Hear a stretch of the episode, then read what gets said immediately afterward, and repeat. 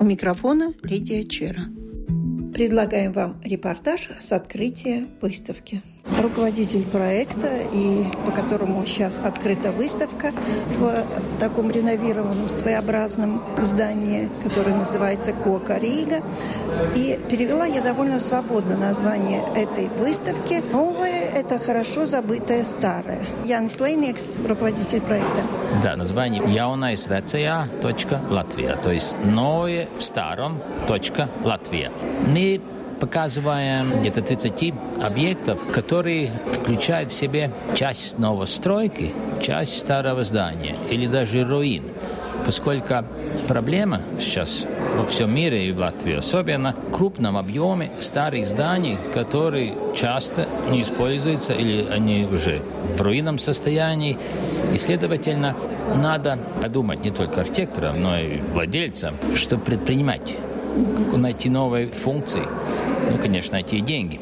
Но главное найти архитектора, который сумел бы подсказать в каком плане будем, значит, развивать. Крупный... Что восстанавливать, что менять. Да, да, это верно. И очень важно подумать, что не обязательно сохранять те же функции, которые она в здании выполнила.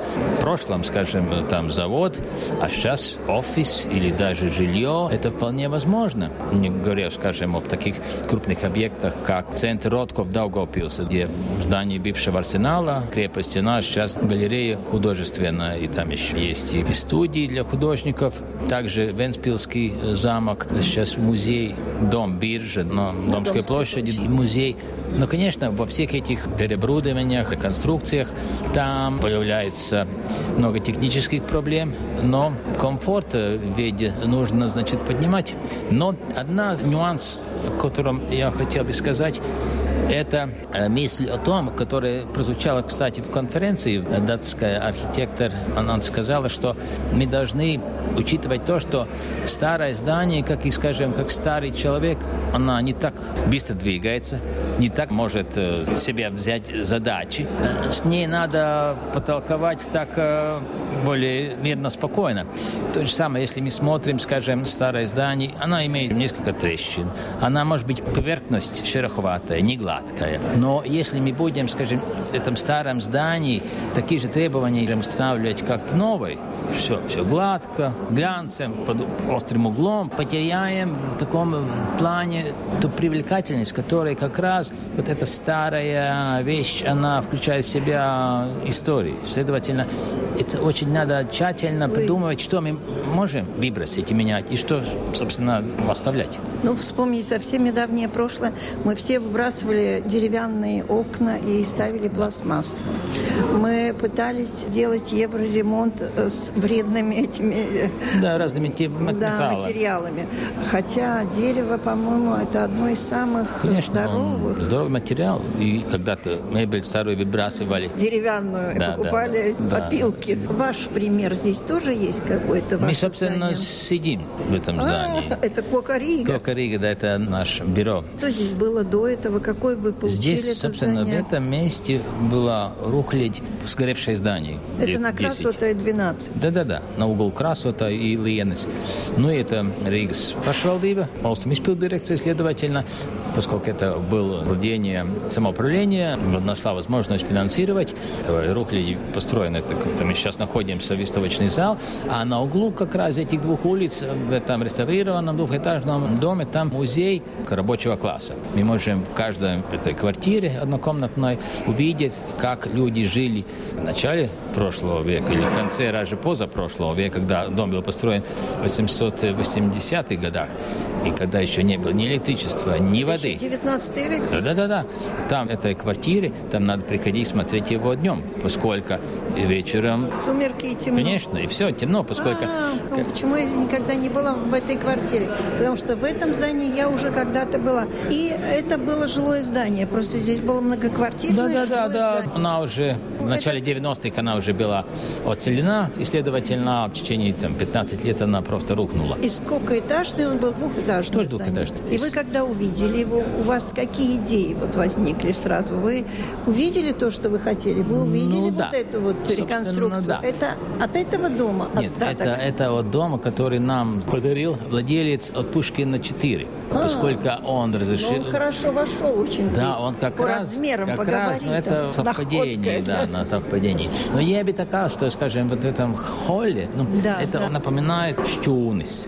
Сарай. Да, сарай деревенский, крупного размера, который да, для сена. Да? Да, да. Следовательно, такие довольно тонкие деревянные конструкции, по-моему, он должен напоминать мы все знаем, как такие крупные здания выглядят на селе. Очень интересны эти вот э, откосы, да, детали, да, да, откосы да, интересные. Да, ну, они не треугольные, они такие скошенные. И металл. Это дерево? Да, да, это все дерево, но металл. Как но стены были или все-таки надо было строить заново? Нет, это все заново. Здесь было просто ничего. Мы снесли, что, что осталось. Всегда в доме самое важное, на мой взгляд, в жилом доме, это погреб и чердак. А, Если да. вот эти два места ну, должны быть очень это хорошо должны искать э, в той квартире. Да, в этом доме, который рядом. Там есть и подвал, и чердак. Поскольку это новое современное здание, как выставочный зал, здесь нет ни подвала, ни чердака. Но в этом музейном здании, да, все можно отыскать. Есть еще какие-то здания, которые вам бы хотелось? Вот говорят, что так, руки чешутся, чтобы его реставрировать или преобразить, но оставив вот из такого старого сделать что-то новое и современное. Есть, ведь у нас достаточно таких развалюх, которые в центре города есть и да, я думаю, разных... нам во всей Риге можем найти, ну, скажем, хороший пример Типсел. Там, конечно, люди зажиточные, но да. в любом случае там хорошие или плохие дома, но там выдерживается тот же принцип, скажем, малоэтажная застройка, ну, если они новые, ну, тогда она в любом случае, она как-то гармонично вливается в эту, в этот ландшафт. Да. Я думаю, тоже на московском форштате не обязательно там все дома сохранять. Там, может быть, надо дюжин сохранить, остальное можно снести, но вместо них надо те же двухэтажные небольшие дома строить современные, поскольку прелесть, скажем, москачки, да, в том, что небольшой двор, там, скажем, выходит где-то 8-10 ну, квартир на этот двор, он с забором, следовательно, как раз мы должны вот эту жизнь, такую образ жизни сохранить, сохранить. да, или построить заново. Поскольку время, когда это все было снесено, и там поставили эти пятиэтажные панельные дома, это время ушло. Мы должны понять, что можно жить в городе, но в этих более человеческих условиях, да, когда мы имеем с вами, скажем, свой двор, каждый знает, где его ставит свою машину, где его эти будут цветы, огородик. Следовательно, вот этот образ жизни, он самое, самое ценное из истории, надо его как, как принимать. Очень часто богатые рижане, те, которые имеют большие средства, строят в Риге, ну, конечно, не в центре, а вот по окраинам, такие дома, которые вызывают раздражение у людей, потому что пытаются показать уровень своего богатого кармана. А вот даже если бы была такая возможность вот реставрировать, на мой взгляд, Рига бы только выиграла от этого. Да, но это бескусица. Если, скажем, кто-то придумывает, он будет строить а-ля Рундалес Пилс, да? Ну, это да. смешно. Что, вы не видели таких? Я видел. Все Особенно видели. в Юрмале таких много. Но Почему? Это, Балтезерс тоже? Тоже, да. да. Но да. это смешно, поскольку нельзя, значит, от такого одного масштаба взять, скажем, ну, 10 раз поменьше и считать, что это, это тоже палас. Ну, это ничего, это ерунда какая-то. Вы в основном общественные дома, здания? Да, то пару жилых домов, но это, скажем, исключение, поскольку, конечно, эти крупные большие здания, это крупные деньги, это государственные или муниципальные кап вложения. Руководитель проекта Янис Лейникс.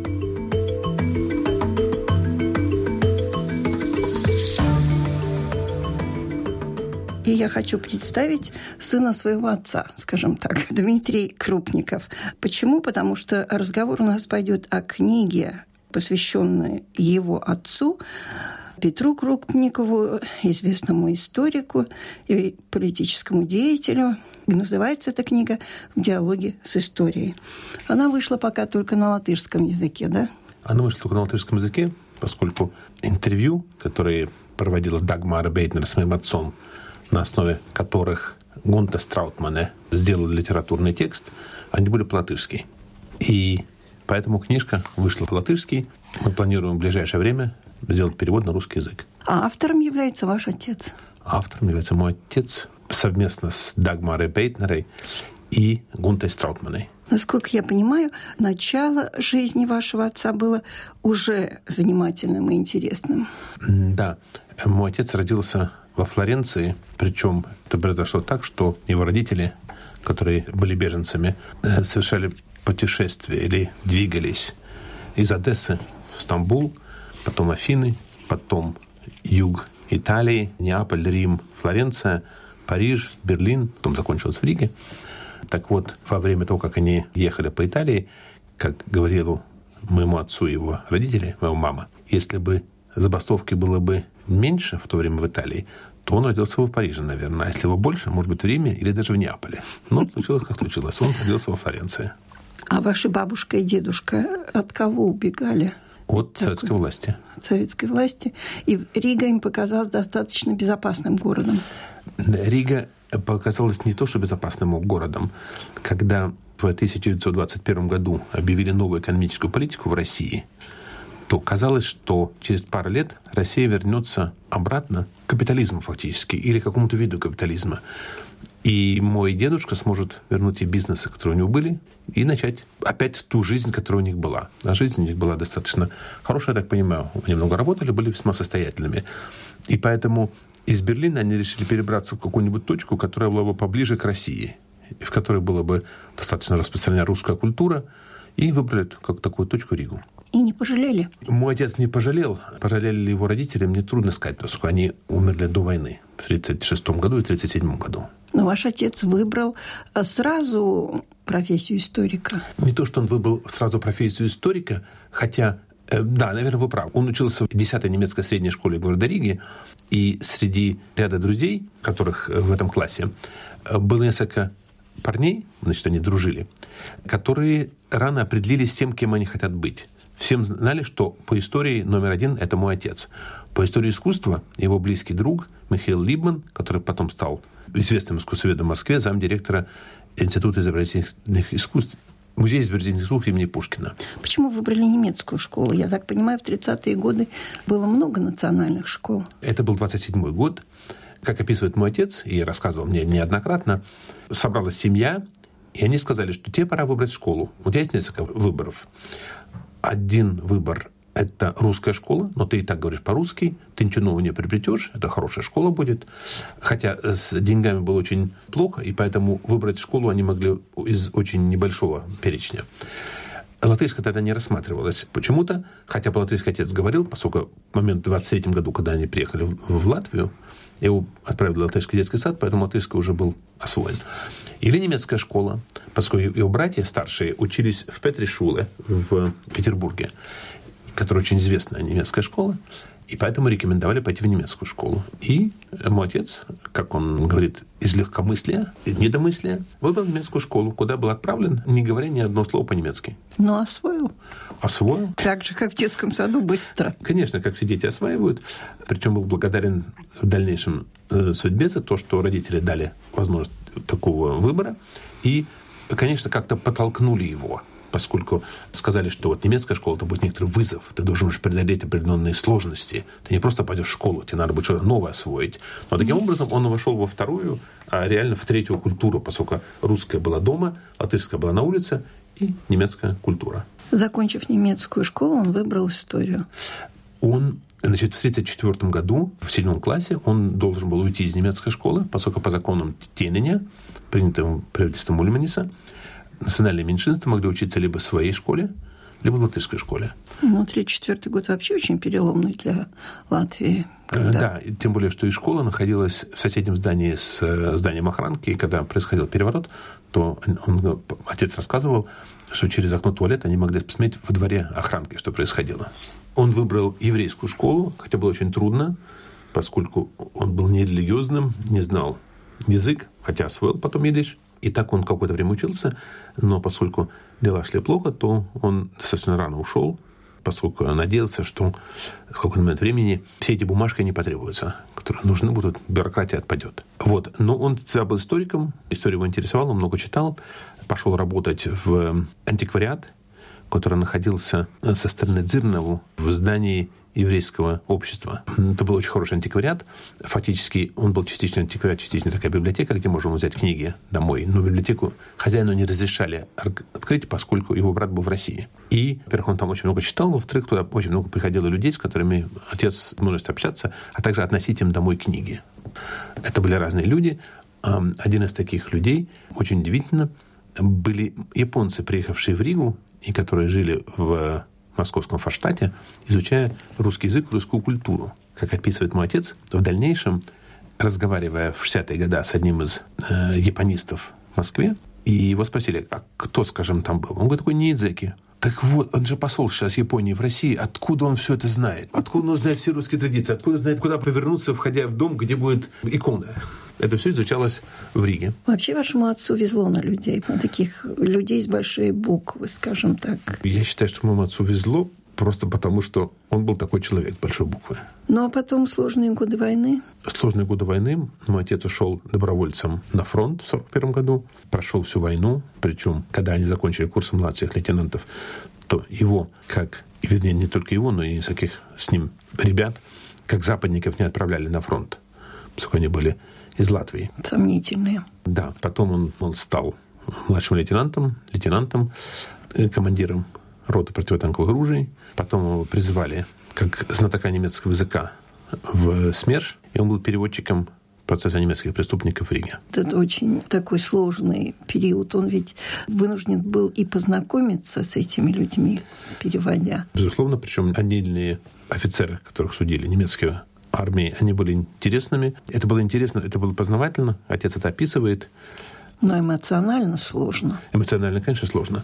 Поскольку у отца был хорошо поставленный голос, то и поскольку он владел тремя языками, то он фактически стал главным переводчиком на процессе. Да, он описывает, как допрашивали Екелна у других офицеров. Но Екелн был главнокомандующий Риги. Он был более чем главнокомандующий Риги, он был фактически главой Прибалтики, Латвии, Литвы, Эстонии и части Белоруссии такое образование, которое создал Гитлер после оккупации. По-моему, семь человек повесили тогда. По-моему, да. В книге Крутупса моему отцу придается очень большое значение как переводчику. В документах архива Александра Николаевича Яковлева, который выпускается, как библиотека Александра Николаевича Яковлева, э, выпускается тематическая подборка документов по разным темам. Это очень большая библиотека, и я покупаю все эти тома. Есть постановление Политбюро ВКПБ 46 года или 45 года, надо проверить, о проведении публичных процессов в больших городах СССР, показательных процессов немецких генералов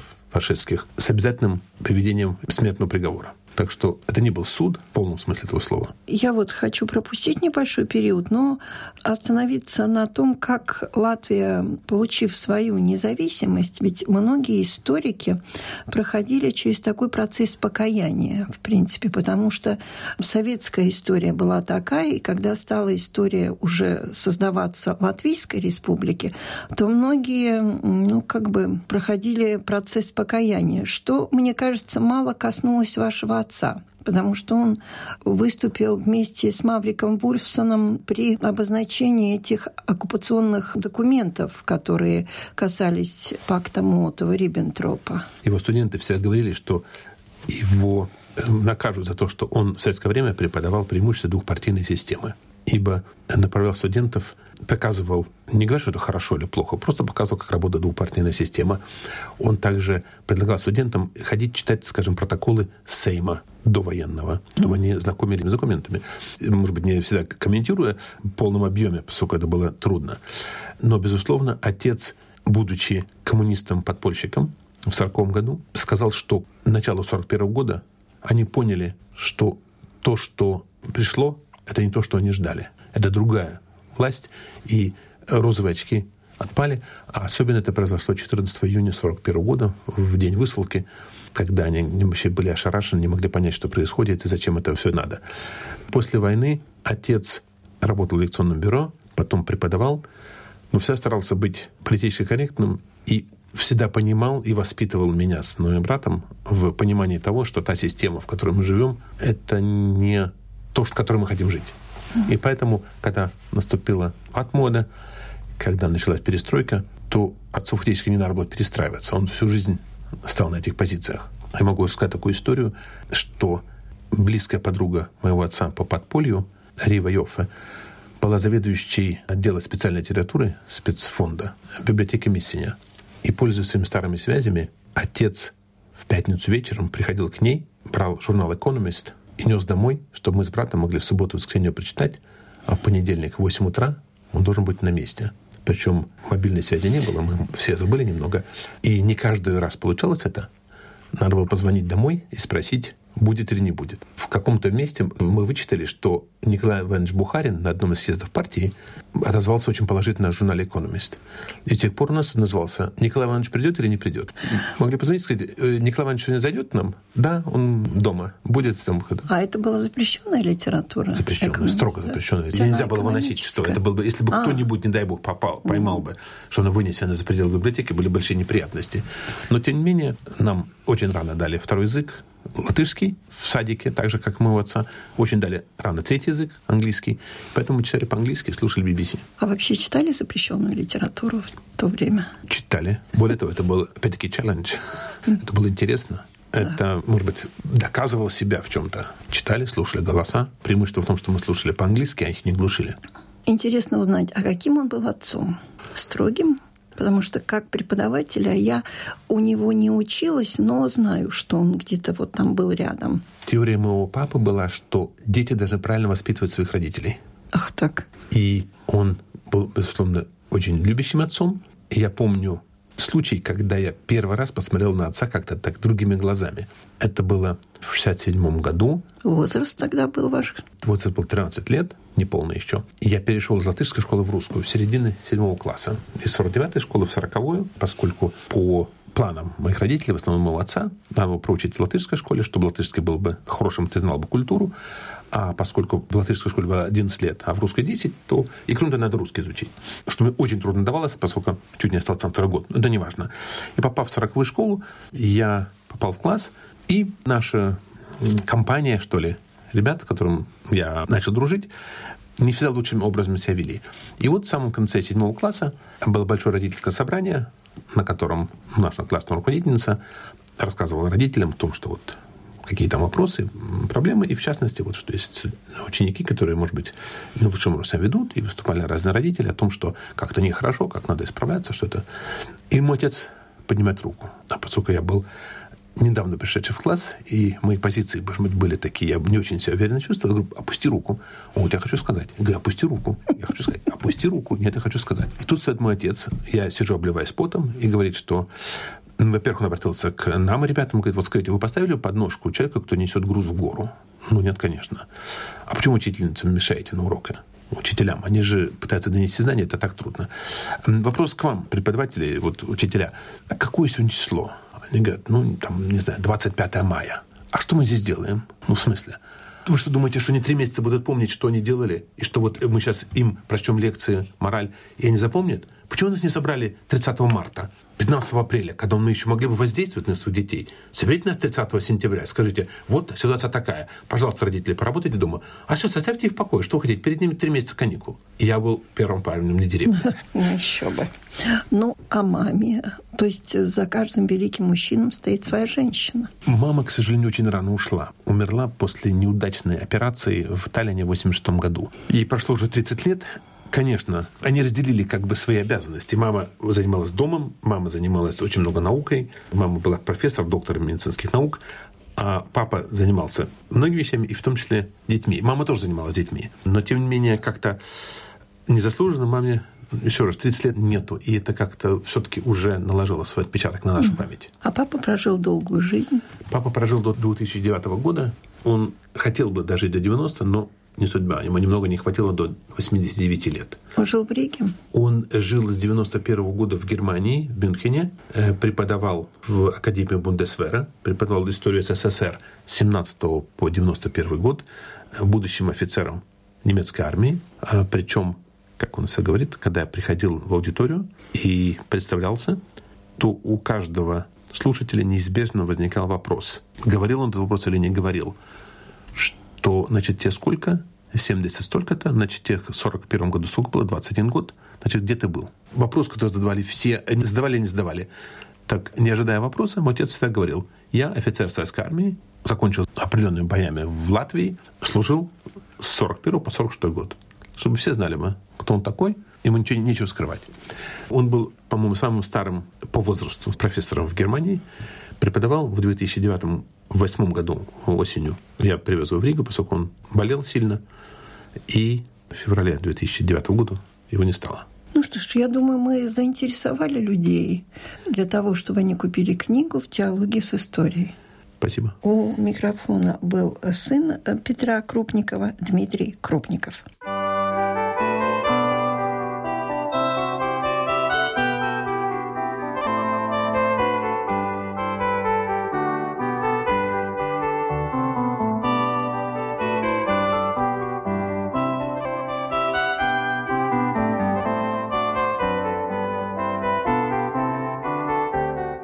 Реликвий истории Латвии, рассказывает Ирина Зайберте. Более чем 150 лет назад в Латвии происходили очень важные для консолидации латышского народа э, процессы. И то, как формировалась э, латышская нация, очень много на эти процессы повлияли младолатыши. Пришли к выводу, что и латышский народ достоин того, чтобы стать э, нацией со всеми ну, исходящими из этого последствиями. Это был и очень важный, и очень тяжелый, трудный процесс, потому что э, подавляющее большинство э, латышей были крестьянами, то есть считались э, людьми низшего сословия. Более того, сам язык э, латышский считался примитивным и таким, на котором можно говорить только о таких бытовых темах, о жизни просто, но невозможно подняться на уровень науки, на уровень искусства, на уровень литературы и поэзии. И поэтому одним из основных заданий, задач молодых надо латышей было доказать то, что этот процесс, то есть э, поднятие латышской нации на уровень культурной нации возможен. И одним из методов был, конечно, язык. И в этом очень важную, может даже самую важную роль играл человек по имени Юрис Алунанс. И Юрис Алунанс прожил недолгую, но очень яркую жизнь как один из лидеров, идейных лидеров младолатышей, он действовал, будучи студентом Тартусского университета. Как известно, подавляющее большинство э, младолатышей были студентами э, Тартусского университета, и именно там, за пределами, за э, уже границей теперешней Латвии, образовалось это движение, оно сформировалось в сущности. И вместе с такими известными лидерами piemērami младолатышей, как Кришьянис Валдемарс, Кришьянис Баронс, Юрис Алунанс работал над вот этими идеями усиления, установления и развития латышского языка. Например, он занимался такой вещью, как образование новых слов на латышском языке. Например, он считается автором таких слов, как «ракснекс», писатель, такого слова, как «бурц», буква skolotājs, и пэтниекс, исследователь, каравирс, каревис. И поэтому он э, считается, ну, безусловно, одним из лидеров младолатышей. И еще он написал, перевел и издал такое уникальное издание, которое известно под названием «Дзесминя» с песенки, где он опубликовал на латышском языке и собственного сочинения, и переведенную поэзию. И это было доказательство тому, что на латышском языке возможно не только говорить на возвышенные темы, но говорить и поэтическим языком. И вот когда Юрий Салунанс был студентом Тартусского университета, он, конечно, как все студенты того времени, или подавляющее большинство, был э, членом корпорации, и э, не только членом корпорации, он и автор э, слов гимна этой корпорации. И, конечно, каждый, как студент, э, член корпорации, он имел право носить фуражку э, с цветами корпорации. То, что он был активным членом этой корпорации, говорят, э, как ни странно, повреждения на этой фуражке. И известно, что из других источников, что он участвовал в нескольких для корпораций того времени типичных дуэлях, которые были обязательны для студентов корпорации. И Фуражка его говорит об этом, что он участвовал в этих дуэлях.